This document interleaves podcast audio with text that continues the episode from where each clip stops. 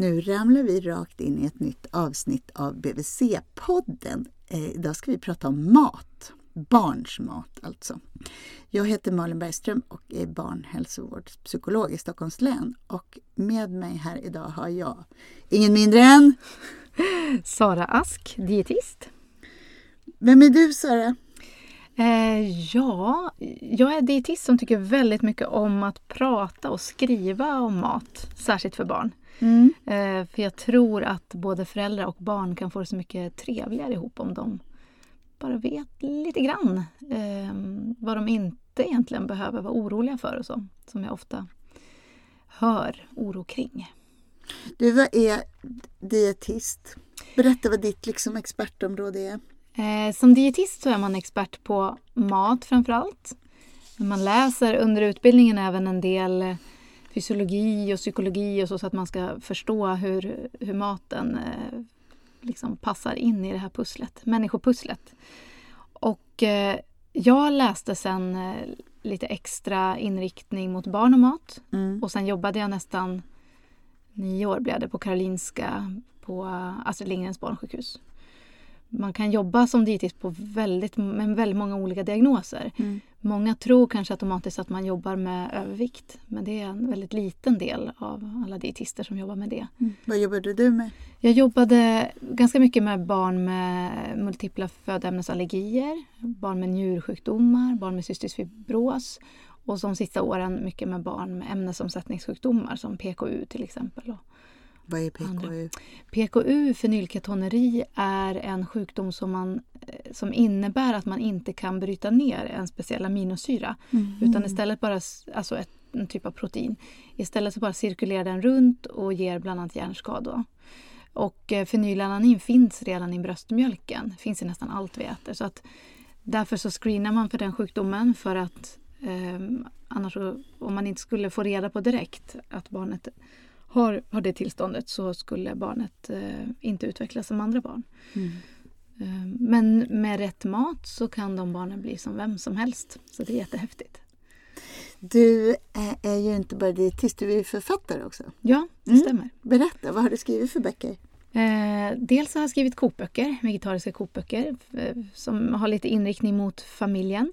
Eh, men även böcker, så här, faktaböcker om barn och mat. Mm. Och då egentligen lika mycket relationer kring mat och liksom eh, lång, långt ifrån bara om näringsintaget. Det är intressant.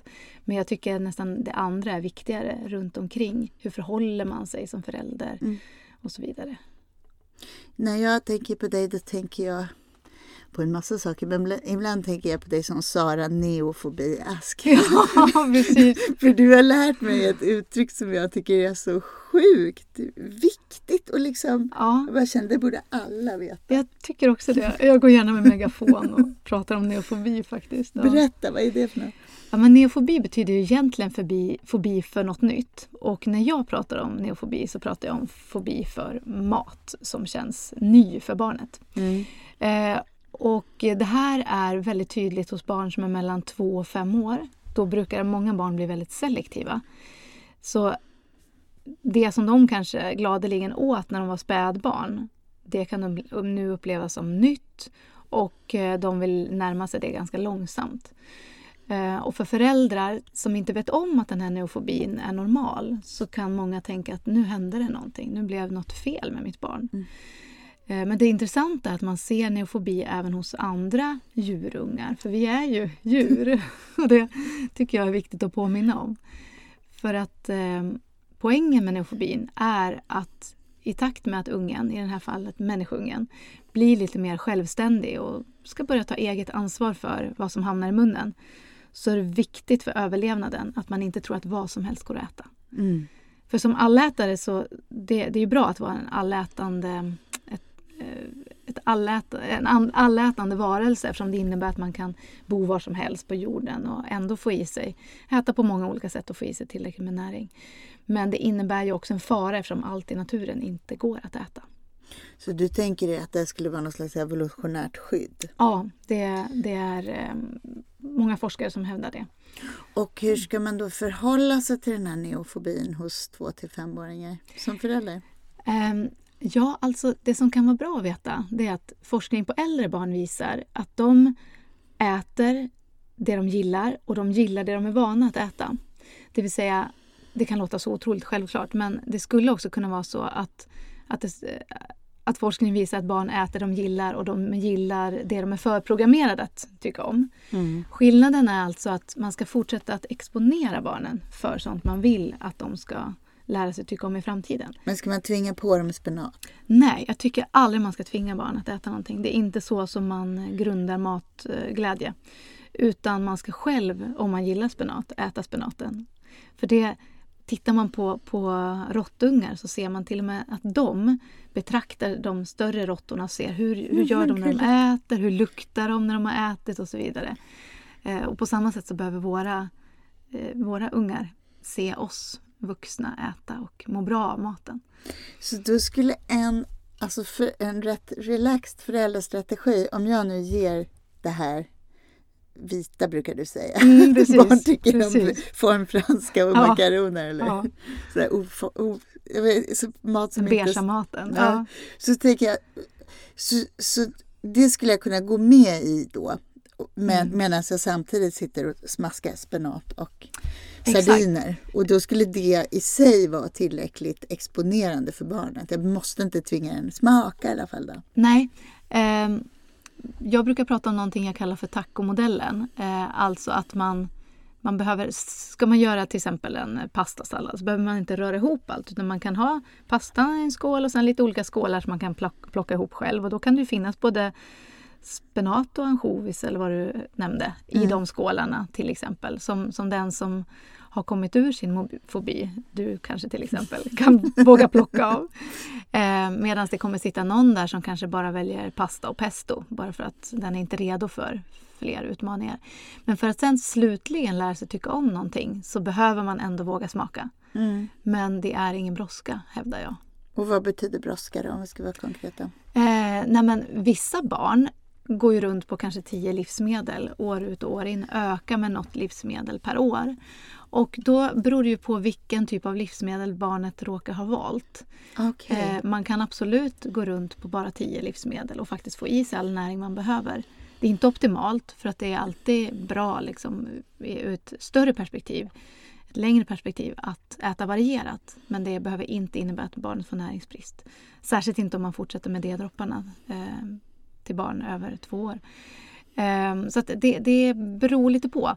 Eh, jag tycker ju att Sitter man framför ett barn som äter extremt selektivt så är det jättebra ifall det barnet och föräldrarna får träffa en dietist som kan se över vad barnet äter så att man eh, ja, säkrar att tillväxten och näringsintaget är tillräckligt bra. Mm. Eh, men det är ingen brådska. Det kan ju låsa sig. om det är, Man vet att den här eh, neofobin dels är ärftlig Eh, när man har gjort tvillingstudier så ser man att så mycket som närmare 80% förklaras av generna. Eh, och man vet också att det finns en viss grupp som är extra neofobiska. Det brukar vara de här som är känsliga för kläder som skaver och starka dofter och så. Och de kanske faktiskt till och med, det vet man inte, men att de kan eh, vara känsligare för smaker och eh, konsistenser för att de helt enkelt har ett lite högre ställt känsloläge. Och de är jättekänsliga för press och tvång och så. Då kan det låsa sig. Så, så jag brukar rekommendera föräldrar att eh, fokusera mer på sin egen mat. Eh, vara lite egoistiska. Eh, kanske fokusera lite mer på barnens ansikten och vad de pratar om eh, så, än exakt vad som ligger på tallriken. Mm.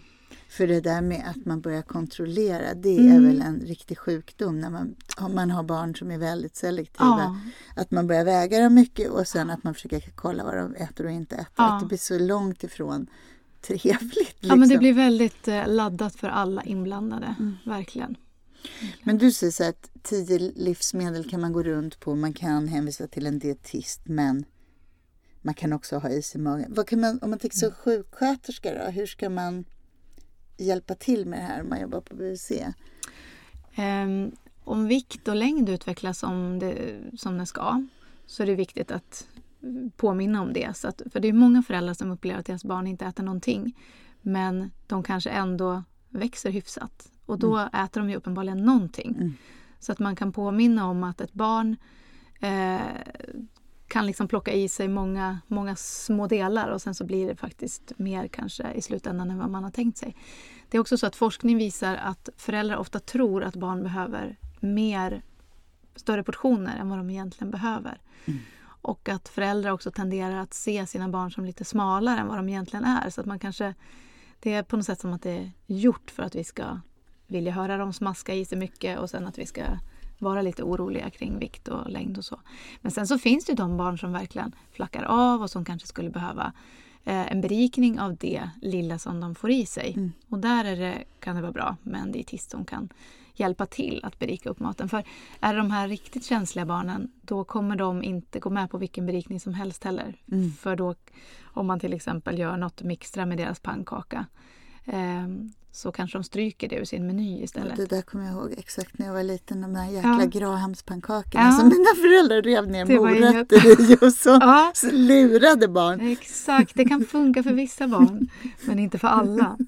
Och det, det tänker jag jätte, att liksom hela tiden minnas att, att barn är olika även när det kommer till förhållande till mat. Att för vissa barn funkar det jättebra att ha en sån att smaka-regel och till slut efter ett visst antal gånger så, så sitter en ny smak. Medan för andra så kan det vara det som innebär att måltiden är något läskigt. Och då vill man inte sätta sig vid bordet ens en gång. Så att man får känna in, vem har jag framför mig? Men då är det också så att om de här, jag vet att du brukar kalla dem för supertasters ja, ibland, de här extra känsliga, knepiga små barnen som mm. kniper ihop munnen mm. och ja, men som kanske är någon särskilt utvecklad perception också, att det är liksom mm. ja, men att man är känslig överhuvudtaget för hur saker känns eller konsistens i munnen då kanske det är så att de också är extra känsliga alltså för att bli kontrollerade eller ja. känna någon press. Ja, så. Jag, jag har en sån teori. Jag ser fram emot mer forskning kring dem för jag mm. tror verkligen att det kan vara så. Uh, ofta om man backar bandet så ser man att de barnen var ofta lite svåra att ens få med på smakportionståget. Mm. De ville inte jättegärna mm. lämna bröstet eller flaskan utan mm. de tyckte att det kändes väl bra som det var. Nej, vad, vad, vad tänker du som dietist kring det där? Hur länge klarar sig barn på bröstmjölk eller flaskmjölk? Eh, framför allt så är det ju järnet som är den springande punkten. Tänker jag. Att det är så viktigt att barn får påfyllning av järn. Och då brukar man ju säga att under första halvåret så täcks, eh, täcker bröstmjölken eller modersmjölksersättningen allt. Men därefter är det bra att börja introducera någonting för att eh, framförallt få upp järnintaget. Mm. Och vad kan man ge då till exempel? Då? Vad är järnrikt? Eh, ja, det är egentligen alla typer av animalier, eller inte alla, men, men kött, fisk, den typen av mm. inälvsmat till exempel. Eh, det är kanske inte är någonting som man har i, har i bakfickan. Bara, ska vi börja med en smakportion njure? Nej. Men, men eh, baljväxter av olika, sak, av olika slag, alltså linser, bönor, ärtor, eh, tofu till exempel. Eh, blodpudding kan ju nämnas som det superanimaliska järnrika. Mm. Eh, sen den järnberikade gröten och vällingen, ifall man ger det, så blir det ju extra järn den vägen. Och eh, torkad frukt innehåller faktiskt en del järn också. Så om man, om man hittar något av allt det där som barnen kan börja plocka med. Hur... Jag vet inte, jag kan tycka som barnpsykolog att jag kan tycka att det, här, det är lite så konstigt med de här, eller jag tycker att de här reglerna kring när man ska introducera mat, på något sätt tycker jag att det krockar med ett intuitivt lyhört föräldraskap som många mm. har idag. Mm. Och att jag tänker att det där borde ju vara ur ett utvecklingsperspektiv egentligen samma spann som det är kring att börja krypa eller kring att Absolut. prata eller vilja ta för sig socialt mm. eller mm. sådär. Jo men det finns det ju forskning som visar till exempel att det tar väldigt olika lång tid för barn eh, att, lä, liksom att anamma det här med att äta mat. Att mm. För vissa barn eh, så tar det bara tre dagar att gå från 0 gram till 100 gram mat och för andra tar det ett halvår.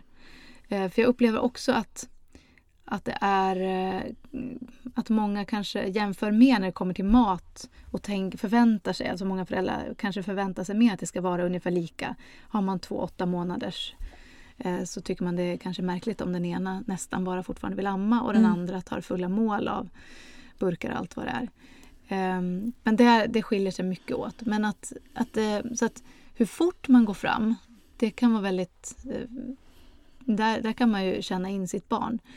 Eh, men just att man ändå runt sex månader bör försöka erbjuda någonting annat. Eh, mm. Just för att det här järnförrådet börjar sina. Och det som är speciellt med järn är att man har sett att det behövs ju inte bara för blodet och syretransporten och så, utan även barn som har mild järnbrist under första levnadsåret som korrigeras eh, kan löpa risk för neurologiska problem sen i skolan. Mm -hmm. så att det har ju en betydelse för hjärnans utveckling också. Kognitiva problem i skolan ska jag säga. Du, eh. hur, hur gör man den där introduktionen om man har någon liten tunn sak som kniper ihop munnen och som vill ligga och amma hela nätterna eller ta ja. flaskan och tycker det är asgott. Ja. Hur gör man det då så att man slipper oroa sig för neurologiska ja. konsekvenser? Ja, några kognitiva svårigheter vill man ju...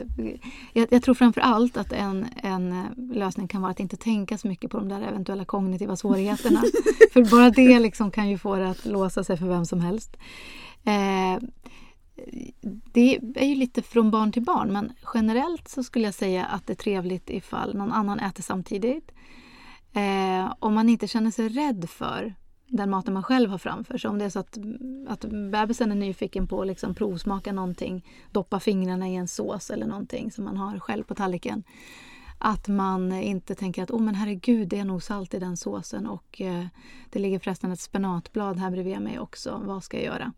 För att det Även om man inte ska salta extra på en... Alltså en bebis ska ju inte ha stora mängder salt. Så gör absolut ingenting om den får en smakprov av någonting som innehåller salt. Så att man, man försöker då. Så, för det är ju egentligen svårt, det du säger att man ska äta själv och att på det sättet exponera barn eller mm. stimulera mm. dem till att bli, få lust. Liksom. Det är ju egentligen svårt om de ska hålla på att äta helt andra grejer än man själv. Ja, eh, precis. Och så behöver det ju inte vara utan man, man kan ju lite beroende på vad man äter så, så kan man ju äta samma sak. Eh, men jag upplever att ganska många kanske känner sig lite osäkra på vad kan man egentligen ge och så mm. vidare. Eh, och då tänker jag så att om man väljer att köpa mat, den köpta maten är det inget fel på. Men att man inte behöver känna att det är exakt bara det som ett barn får äta då utan då kanske det finns någonting annat man ändå kan mosa och ge och så. Så att, det, så att det, man försöker vara lyhörd, ser bebisen nyfiken ut eh, på något annat som finns på bordet så kan man ju bjuda på det också. Det kan bli lite så här tapas. Babytapas. ja. Du, vad säger du om det här baby-led weaning? Att unga själva får kladda med saker? Och... Ja, men det, jag är väldigt eh, positiv till det. Um, Ska vi bara säga vad det är? För det är någon som ja, just det. Baby-led weaning innebär att man egentligen hoppar över puré-stadiet. Um, och att man serverar mat, man kan säga handtagsmat, alltså mat om man tänker samma storlek som ett stort pommes frites. Men kanske annan typ av mat då. än att köra pommes frites genom hela spädbarnsåret. Så, så är tanken att barnet sitter själv, mjukkokt eller ugnsbakad mat som barnet kan liksom sitta och gnaga ifrån och styra matningen själv. Och egentligen så, jag tycker att det finns något väldigt härligt i tanken på att ett barn kan gå från att eh, ha fått välja kanske lite själv hur mycket bröstmjölk eller flask eh, modersmjölksersättning som den fick till att få styra lite när det gäller eh, hur mycket mat som kommer in i munnen. Det som krävs är att barnet ska vara tillräckligt liksom, stabilt i bålen. Mm. Att huvudet inte får rulla runt. Det är väldigt svårt att, att liksom äta någonting samtidigt som man inte kan hålla upp sitt huvud. Um, och sen kan det också bli lite, lite järn ifall man följer det här slaviskt. För att då kanske man också bestämmer att uh, jag ger inte gröt eftersom jag vill inte mm. servera något med sked. Mm. Men uh, men just den järnberikade gröten kan ju vara ett, ett bra sätt att få i barn järn. Så att man måste fortsätta tänka på det. Jag vet att det finns de som bakar grötpinnar och man kan ju ge blodpudding också i, i stavform till exempel. Så att det går absolut att lösa järnet men att man kan behöva komma ihåg det. Tänka, ja. tänka och att man kommer ihåg att bröstmjölken eller modersmjölksersättningen finns alltid som en bas i grunden. För det kan ju ta ganska lång tid det kan bli ganska mycket spill med den här metoden. Så att, det, att man ser till att det blir tillräckligt mycket med energi ändå. För det, det är inte bara liksom energi, jag tänker att det blir så kladdigt. Man ja, man får ha... nästan skaffa hund. Men man, Jag tycker alltid att man ska komma ihåg när man har små barn vid bordet att det här är, det kommer inte vara så här jämt. Beroende på hur kladdfobisk man är så kan man tycka det är olika jobbigt. Men man behöver inte vara jättekladdfobiker för att tycka att gud vad slafsigt det blir runt vårt bord. Men att man antar lite så helikopterperspektiv och förstår att okej, okay, ja, det är så här nu ett tag. Men det kommer bättre stunder. Du sa något så fint, tycker jag, du sa att man ska introducera till matglädje eller så. Det kanske låter löjligt, men jag tyckte ändå det lät fint att det men det låter som ett fint förhållningssätt på något sätt. Att ja, det det. jag brukar tänka så. Alltså, om, man, om man får ett fint förhållande till mat eh, så kan man ha roligt väldigt många gånger om dagen. man, eh, sen så beror ju det där, ens förhållande till mat beror på många olika saker. Man ska ju som förälder inte känna eh, att, att allting liksom, eh, ligger på ens axlar för då blir det väldigt tungt. Men, men just det där att man förstår att tvång och press och hot och sånt det är ofta kontra, eh, kontraproduktivt. Mm. Du, jag tänker på en annan aspekt som är... Du, dina böck, kokböcker handlar mycket om vegetarisk mat, kanske mm. bara det? eller? Ja, bara. Och hur tänker du? För du vet att många tycker det är svårt att när småbarn är veganer från mm. början eller mm. vegetarianer och så. Mm. Vad, är det ett problem det där eller handlar det bara om kunskap? Eller? Ehm, det handlar mycket om kunskap för att eh, det är ändå så att plockar man bort en hel livsmedelsgrupp så vill det till att man vet vad den näringen som man, som man inte får då, var den finns någonstans. Ehm, just för veganer så blir det ju extra viktigt eftersom det till exempel B12 eh, inte finns naturligt i några eh, vegetabiliska livsmedel. Ehm, så att dels behöver ju föräldrarna veta var näringen finns som sagt. Men det kan de ju. Den typen av kunskap finns ju många bra tillförlitliga källor. Det gäller ju att det är bra tillförlitliga källor man mm. vänder sig till. Men, Vad kan man rekommendera på BUC? Eh, till exempel så tycker jag Åsa Strindlund och Elisabeth Kylberg har skrivit en jättebra liten bok som finns på Gotia fortbildning. Den hette tidigare Grön barnmat men den är reviderad nu och heter något liknande. Jag kommer faktiskt inte ihåg exakt namnet. Men, men den innehåller både liksom den näringslära som man behöver veta som förälder till ett veganbarn och lite recept och sån inspiration. Sen har jag tillsammans med Åsa Strindlund skrivit en artikel i Läkartidningen som har rubriken, eh, tror jag att de valde, Vegetarisk mat bra även för små barn. Mm. Och det är några år sedan men den är fortfarande aktuell och ligger öppen. Eh, och där går vi igenom liksom näringsämne för näringsämne vad man behöver veta. Och det kan se mycket ut vid första ögonkastet men sen kokar det ofta ner till det som sen behöver ligga på tallriken är inte så avancerade saker utan, mm. utan eh, det är till exempel att, att det behöver vara baljväxter i någon form eh, varje dag gärna eftersom de bidrar både med protein och med järn och med zink och annan bra näring. Men det kan också vara i baljväxter i form av en sojakorv till exempel. Mm. För det är väl möjligen det andra aspekten då att om man har ett barn som går in i den här ganska selektiva fasen och faktiskt hade kunnat tänka sig äta någonting från den animaliska sidan. Mm. Då kan man ju förstås Ja, det, det, det blir ju ett, ett, mindre utbud då. Det behöver inte alls vara något problem men det, det kan vara det. Så om man är mellan två och fem och blir väldigt selektiv och ja. bara erbjuds vegankost, då ja. skulle det potentiellt kunna... Och vissa kan nog uppleva att, eh, att det finns betydligt mycket färre livsmedel att erbjuda. Mm. Och jag vet vissa som har låtit barnen få eh, vad ska man säga, blandkost på förskolan till exempel. Mm, det precis. Eh, men fortsatt äta veganmat hemma. Mm. Så där får man ju hitta en variant som, som funkar för familjen. Eh, nu har vi pratat rätt mycket om kräsna barn och barn mm. som inte vill äta. Men det finns ju en motsatt rörelse i barn som äter för mycket. Om det nu är det de gör. I alla fall mm. så går de upp för mycket och blir mm. för runda. Mm.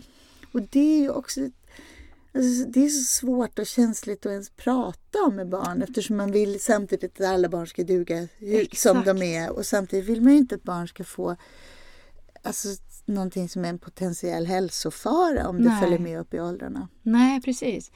Och det man har sett är ju just att, att när man tidigare trodde att man springer av sig den där övervikten under, små, under barndomen så har man ju sett att det är inte alls säkert att man gör det utan mm. att det är bra att och försöka komma till rätta med det redan eh, under, eh, ja, under BVC-tiden egentligen, åtminstone då under 4-5 års åldern. Att det kan ju hända att det inte behöver så stora förändringar för att det ändå ska göra skillnad för barnet och sen så minska risken för att det blir problem med övervikt framöver. Och den där tendensen att runda på sig, är det liksom genetiskt?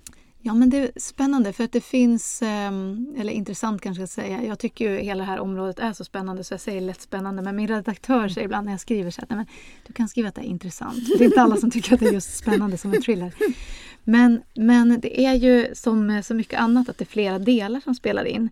Dels är det olika lätt för olika personer att reglera hunger och mättnad. Att känna sig nöjd när man har ätit lagom mycket. Det är mycket lättare för vissa än för andra. Eh, och det där är också delvis inlärt. Om man till exempel får lära sig hemma att man ska äta tills tallriken är tom. Inte att man ska känna inåt och fundera när mm. känns det bra för mig till exempel. Så, så det kan ju vara ett sätt att, att låta barnen känna inåt istället för att själv bestämma att du ska äta till tallriken är tom. Mm. tycker jag är ett väldigt bra sätt att försöka göra vad man kan utifrån mm. för att eh, lägga grunden till bra mättnadsreglering.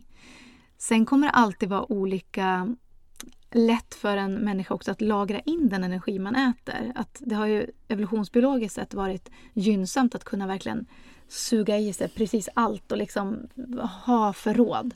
För att det har funnits överlevnadsvärde i det. Mm. Uh, och nu i vår moderna tid när det finns uh, hur mycket mat som helst och man behöver knappt röra ett finger för att få den så är det istället ett problem. Och då som det tredje så spelar det också roll vilken typ av miljö som barnet exponeras för. Har barnet både problem med hunger och mättnads, att, att det är problem att reglera, att barnet kanske inte känner när det är lagom mycket och att barnet lätt lagrar in energin och befinner sig in i en miljö där det kanske finns mycket mat eller att det kanske finns mycket alltså lättillgängligt, att man är generös med godis, glass och sånt. Mm. Um, eller både och. Då kan det ju bli problem. Mm. Påverkas det också av hur mycket benägen man är att röra på sig? Ja, precis. Det också, hör också till miljön. Har man vanor kring att röra sig eller inte till exempel. Mm. Så det, det spelar verkligen in. För det kan man tänka sig lite utifrån. Men herregud, småbarn de far ju runt. Mm. Men det gör ju inte alla. Nej, nej, inte alls alla. Det är väldigt, väldigt stor skillnad i det också. Men du, hur ska man, om man tänker på BVC när man ska ge råd till föräldrar som har mm. runda barn. För att jag tänker om barn är kräsna, då kan man Ja, det är lite som ganska straight forward det du säger om neofobi. Det är mm. naturligt, man ska äta själv och vara en förebild, ingen press. Mm. Men ändå se över de här tio livsmedlen, att mm. de ändå kan ha något näringsvärde. Mm, precis. Men va, hur ska man ge råd till föräldrar med runda barn? Um, jag tänker att det viktigaste är att de vet att barnen inte på något vis, det handlar inte om att banta barn utan det handlar om att eh, kanske få dem att stå stilla lite i vikt så att längden hinner med. Den här gummibandseffekten som man pratar om. Vad är det för något? Eh, att, eh, att ett lite runt barn som man liksom som får stå stilla i vikt drar man ut lite på längden genom att barnet får växa i sin vikt. Ehm, så det, det är gummibandeffekten. Sen så är det ju bra om man får en känsla för, och det är inte det lättaste, få en känsla för vad är det som, givet att barnet kan eh, kanske ha med sig genetiskt eh, ökad risk för övervikt, vad är det i miljön som man skulle kunna förändra? Mm. Och det beror ju väldigt mycket på vem det är man har framför sig. Men ibland så kan det räcka med att bara visa så att nu ser vi att eh, vikten ökar fortare än, än normalkurvan. Eh, kan ni fundera kring det? Mm. Och vissa kan komma på egna saker under den tiden. Jag är ju väldigt tveksam till att ta de här diskussionerna när barnet är med. Mm. Eftersom jag tänker, egentligen så önskar jag ju att det var så eh, oladdat så att det inte var någon som funderade mm. över det. Men nu är det inte så. Och eh, små barn har ju väldigt stora öron och det finns ju forskning som visar att redan barn i förskoleåldern reflekterar över hur mm. rund mage de har och så vidare. Mm. Ehm, så om det går att, att prata när barnet inte hör så tror jag att det är bra. För det är ju också så att det här är inte någonting som barnet ska ta ansvar för utan det är någonting som de vuxna ska försöka hjälpa barnet med. Att det finns lagom mycket av allt runt omkring. Det där har vi hållit på mycket med. Vi jobbar med nya typer av tre och fyraårsbesök på BVC just nu i Stockholm och det är eh, mera av föräldrasamtal och så. Och det är mm. det första sjuksköterskorna säger. Det här är vår utmaning. Mm. Treåringar, ja vi kan hantera det. Mm. Fyraåringar, mm. det är ju jättesvårt att Därför barnen liksom, ja men de är helt enkelt med på noterna. Ja. Och det kan vara svårt på BVC att ta tillbaka bara föräldrar. Vi har Exakt. inte en sån Nej. kultur. Och Nej. det där har vi försökt jobba med och säga att men, ibland är det det bästa liksom för barnet, ja. att man ses utom barn. Men ofta har man istället en kultur att man ringer upp. Ja. Men jag tänker för det här är ändå ganska viktig rådgivning i en verksamhet som väger barn så mycket som vi gör. Ja men det är verkligen viktigt. Eh, jag tänker så många saker i det här men jag tänker dels att man kan lägga grunden redan när man håller på och väger och mäter ett spädbarn och eh, en två treåring. Att berätta vad det är man gör. Eh, jag har som exempel som jag eh, har nämnt att en vän till mig vars barn vid fyraårskontrollen vägde mer än förväntat eh, fick då beskedet att oj, nu går det lite väl fort här. Och hon blev alldeles chockad och sa att men herregud, här har de vägt mitt barn i fyra år för att kolla så att hon inte ska svälta ihjäl. Och nu pratar de plötsligt om övervikt. Och jag som har sett det här barnet under de här åren vet att det är inget som har varit att hon ska svälta ihjäl. Men som förälder så är det kanske det man framförallt tror att BVC gör. Och det stämmer ju för vissa. Vissa barn ja, tenderar ju att halka ur sin kurva såklart. Mm. Men att, att det framför, framförallt är för att se så att barnet inte viker av från sin egen kurva. Som man så det är viktigt att man pratar om viktkurvan från början som ett instrument för att kolla barns följa barns hälsa i ja. alla aspekter. Där det också kan vara så att man utifrån barnets disposition på något sätt kan mm. behöva som förälder hjälpa till med Alltså som du säger, miljön omkring. Att mm. nu. Men när man ska tänka att ett barn, den här gummibandseffekten, ska få chans att längda i sin vikt. Mm, ja. Då ska man, är det rörelse eller aktivitet eller är det eh, mat? Egentligen, eh, egentligen både och. Eller absolut både och. Men har man ett barn som redan rör sig superduper mycket Eh, så kanske det är maten man behöver titta på. Mm. Och eh, då kan det ju vara så här att det här är ett barn som bara älskar mat och som tycker mat är superhärligt. Mm. Och då känns det väldigt svårt att begränsa på något sätt. Ehm, jag tänker att det är viktigt när man går in i ett sånt här samtal att man inte tar för givet att det är skräpmat eller att det är godis, glass, chips i överflöd och så. För det behöver inte alls vara. Mm. Det finns ju de barnen. Tittar man eh, på hur svenska barn äter så finns det ju vissa barn som får en femtedel av sitt eh, energibehov av godis, glass, eh, kakor och så vidare. Eller den undersökning som finns som är från 2003 visar att mm. barn får det. Men långt ifrån alla eh, ligger ju på den nivån. Eh, men att det är också, apropå det här jag sa att föräldrar ofta tror att barn behöver större portioner än vad de egentligen behöver. Mm. Mm. Att det kan ju vara så att man tycker det är jättehärligt om man har ett barn mm. som äter mycket. Eh, men att man där kan, tycker jag, ta, vad ska man säga, eh, man kan utnyttja den matglädjen och eh, kanske introducera ännu fler grönsaker, kanske frukt och så. Så att eh, en portion är lagom. Mm. Och efter den portionen så kanske man kan äta mer grönsaker efteråt till exempel för att det ska bli lagom mycket energi. Mm. Eh, när det gäller godis och glass och saft och sånt så är jag aldrig, i princip aldrig för ett förbud utan Eh, har ett, om det tenderar att bli för mycket av det så tänker jag att det är bra att smalna av det så att det ligger på kanske lördagsgodis till exempel. Att det finns liksom ett eh, återkommande eh, någonting återkommande som barnet känner igen. Att den dagen så gör vi si, då mm. äter vi det där. Det, det där tycker jag var intressant för det tycker jag annars är...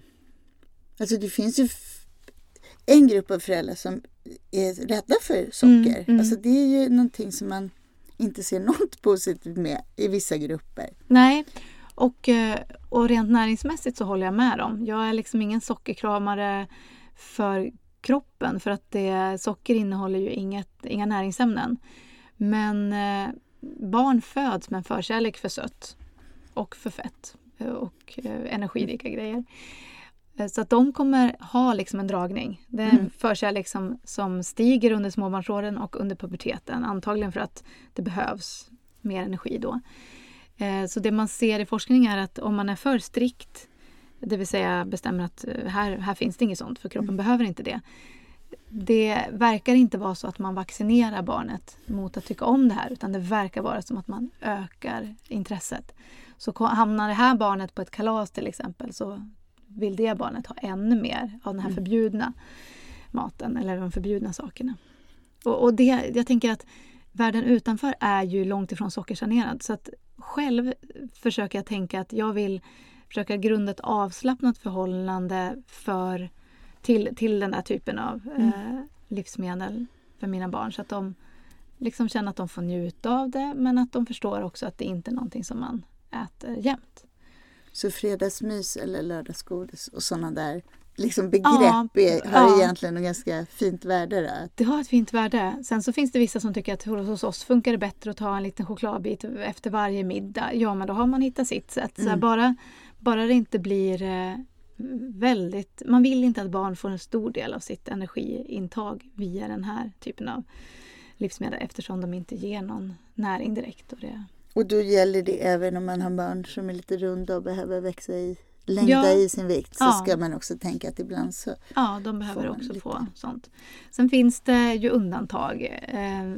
Eh, absolut att vissa kan känna att nej, men det, det bara triggar liksom, att mitt barn vill ha mer och mer och så vidare. Men eh, mitt generella råd är att inte vara helt strikt. Om man har, eh, vad säger en fyraåring då, som är, har rundat på sig lite, ska man följa de där föräldrarna?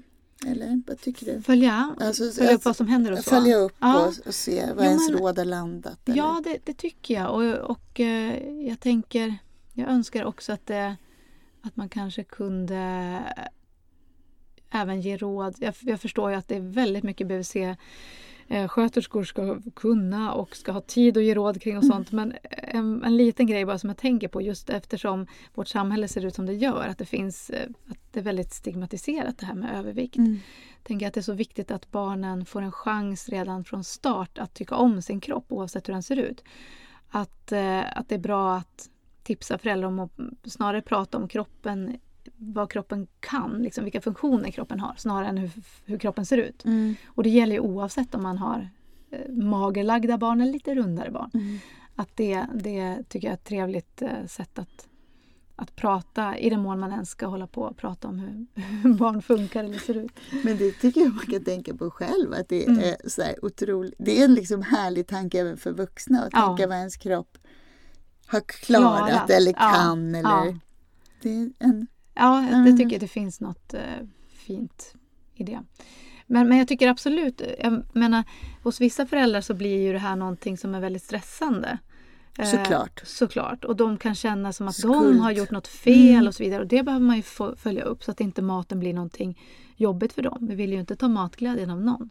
Utan snarare se så här, har, ja, vilka små skruvar kan man skruva på? För ofta kan det räcka med ganska små insatser, alltså små förändringar för att det ändå ska ge effekt. och det är väl en jättefin grej att, Ja, att tänka på och skicka med föräldrar. ja, ja. Att små, små ja. justeringar. Det är Eller, ju mycket bättre med små justeringar som man kan hålla än att man bestämmer sig nu går vi all in och ändrar allt. mm, Eh, Och sen orkar man det i en och en halv månad i Mm. bästa fall. I bästa fall. Du, om, så jag tänker bara summera upp om man vill förmedla förhållningssätt till föräldrar. Vad är det som är viktigast? Ehm, det viktigaste, tänker jag, är att eh, matbordet får vara en plats som är fri från prestation och krav och press och stress och tvång. Både för föräldrarna och för barnet. Att man inte som förälder lägger för hög ribba för när man tycker att det man har ställt fram på bordet är tillräckligt bra. Och att man heller inte ställer för höga krav på hur barnen ska förhålla sig till det man har ställt fram. Eh, jag tänker att en tumregel är att som förälder tänka att jag bestämmer när, var och vad jag ställer fram på bordet. Men barnen bestämmer av vad och hur mycket de äter. Mm. Har man då ett barn som saknar botten så kanske man får smyga bort några karotter efter första stora portionen. Eh, och, och, låta grönsakerna stå kvar till exempel. Men, eh, men just att, att maten får stå på bordet så att alla barn hela tiden exponeras även för det de inte vågar äta. Mm. Um, är det någonting som vi inte har pratat om som är, ett, som är så viktig kunskap att få eller något problem som vi har missat? Liksom? Nej, men jag tycker att det här är det stora viktiga. Möjligen den absolut vanligaste frågan jag fick till vi föräldrar när jag svarade på frågor där var mitt barn äter inga grönsaker, behöver jag ge multivitamintillskott? eh, och, och... Vilken kan säga att jag får andra slags frågor. Ja, ja, det kan jag tänka mig. Vilken. Ja, men det, det är nog den absolut vanligaste. Och eh, där svarar jag eh, generellt nej, det brukar man inte behöva göra. Varför inte det? Bara för att man kan få i sig tillräckligt med näring, även om man inte äter grönsaker. Särskilt om barnet äter en frukt eller så. Mm. mm. Lite nu och då. Ehm, men grönsaker är jätte, jättebra. Alltså, eh, det skulle jag kunna prata en timme till om. Men just därför är det så viktigt att inte hålla på och pressa utan att försöka anlägga ett passionerat förhållande. och det kan behöva ta sin tid. Ehm, men, men det är sällan som de näringsämnena som grönsakerna bidrar med faktiskt eh, ligger särskilt lågt hos barn. Aha, så det, man behöver egentligen inte vara jätteorolig för den? Nej, det tycker jag inte man behöver vara. Utan fortsätta äta, servera, visa hur härligt det är.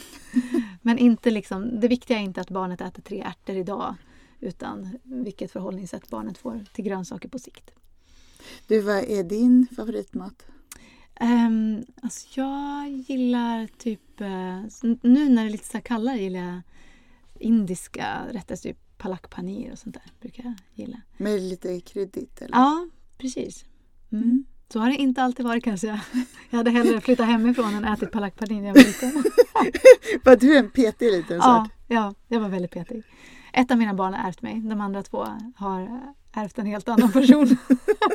Och nu är du passionerad grönsaksälskare. Ja, det är väldigt roligt faktiskt. Jag tror det sista jobb mina föräldrar trodde jag skulle få var att vara kokboksförfattare. Det måste ha varit det absolut sista. Men min sista bok, eller min senaste bok, för jag hoppas jag får skriva fler, den eh, har jag dedikerat till mina föräldrar. Alltså mm. den som handlar om matkrångel och näringsbehov och så. Vad, he, vad heter den boken? Så? Eh, den heter Första hjälpen vid matbordet om barns eh, matkrångel, näringsbehov och smakfavoriter. Och eh, jag tänker att hade de inte varit coola med mig när jag satt och tyckte att det var så jobbigt och läskigt och tråkigt att äta då tror jag att mitt eh, förhållande till mat hade fått sig en törn verkligen. Mm. Men jag, jag fick mina 18 år på mig och sen blev jag au pair i Tyskland och var tvungen att laga vegetarisk mat till den här okända familjen. Och då märkte jag att det här gillar jag. Så, mm. Roligt, du är ett levande exempel ja, ett på levande det du exempel. förespråkar. Ja. Vad fint. Tack snälla för att du kom hit Tack. idag. Tack. Hej.